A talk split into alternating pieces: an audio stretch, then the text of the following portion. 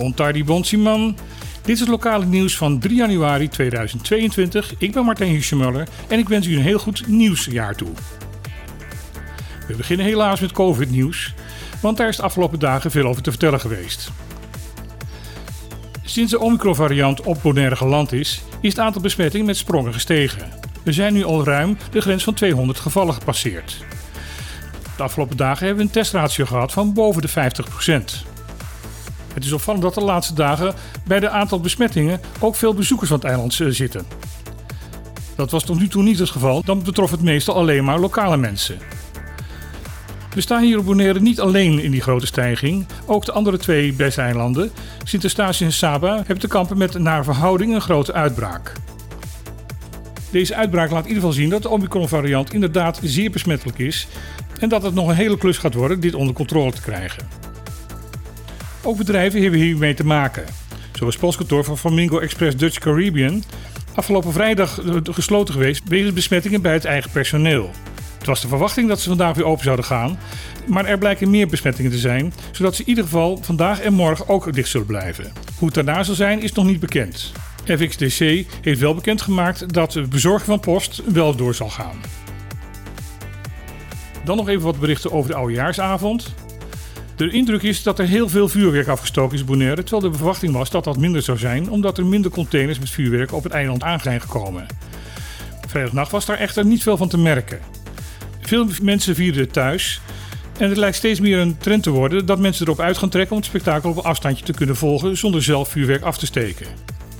Wie het spektakel vrijdagnacht vanaf Cerulaco wilde volgen kwam bedrogen uit, want de twee toegangswegen waren door de politie geblokkeerd met zand omdat vorig jaar er enorme drukte was ontstaan daar met een gevaarlijke situatie.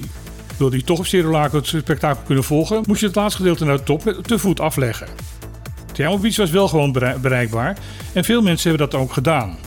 Het was daarbij wel opvallend dat als je een paar honderd meter verderop ging naar Donkey Beach, dat daar bijna niemand was en dat je daar ook het spektakel uitstekend kon volgen. Politie is druk geweest in die nacht. Zo zijn agenten gedwongen geweest om waarschuwingsschoten af te vuren, omdat hun auto werd bekogeld met zwaar vuurwerk. Ook heeft die nacht de politie moeten ingrijpen bij een ruzie waarbij een honkbalknuppel als wapen werd gebruikt. Dan de politiek, en dan wel met name de Nederlandse politiek. Het is bekend geworden dat Alexandra van Huffelen de nieuwe staatssecretaris van Koningsrelaties is geworden. Ze was bij het vorige kabinet als staatssecretaris van Financiën en was in die functie onder andere verantwoordelijk voor de afwerking van de toeslagenaffaire.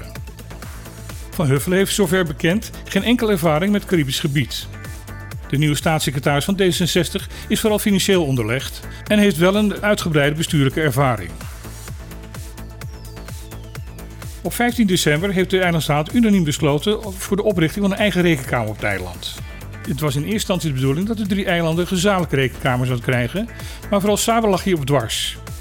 Daarom is er besloten dat ieder eiland voor zichzelf een eigen rekenkamer zal instellen. De rekenkamer bestaat uit minimaal twee en maximaal drie leden en zou een instrument kunnen zijn om het financiële beheer op het eiland van de overheid te kunnen verbeteren. En dan in de categorie positief nieuws. Er is een zeer zeldzame naakslakt ontdekt op Bonaire. Het gaat om de Agirus sublavis. Dit diertje was tot nu toe nog nooit in de Cariben aangetroffen.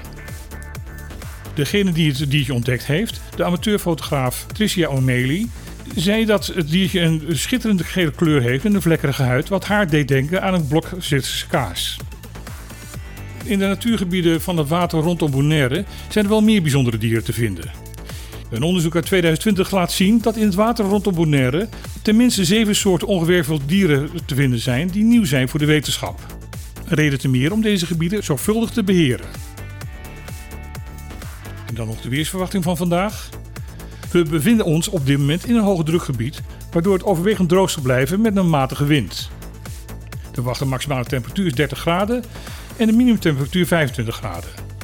Ook voor morgen geldt dat het weerbeeld rustig is en dat er weinig kans is op regen. Dit was het eerste lokale nieuwsbulletin van dit jaar. Graag tot morgen.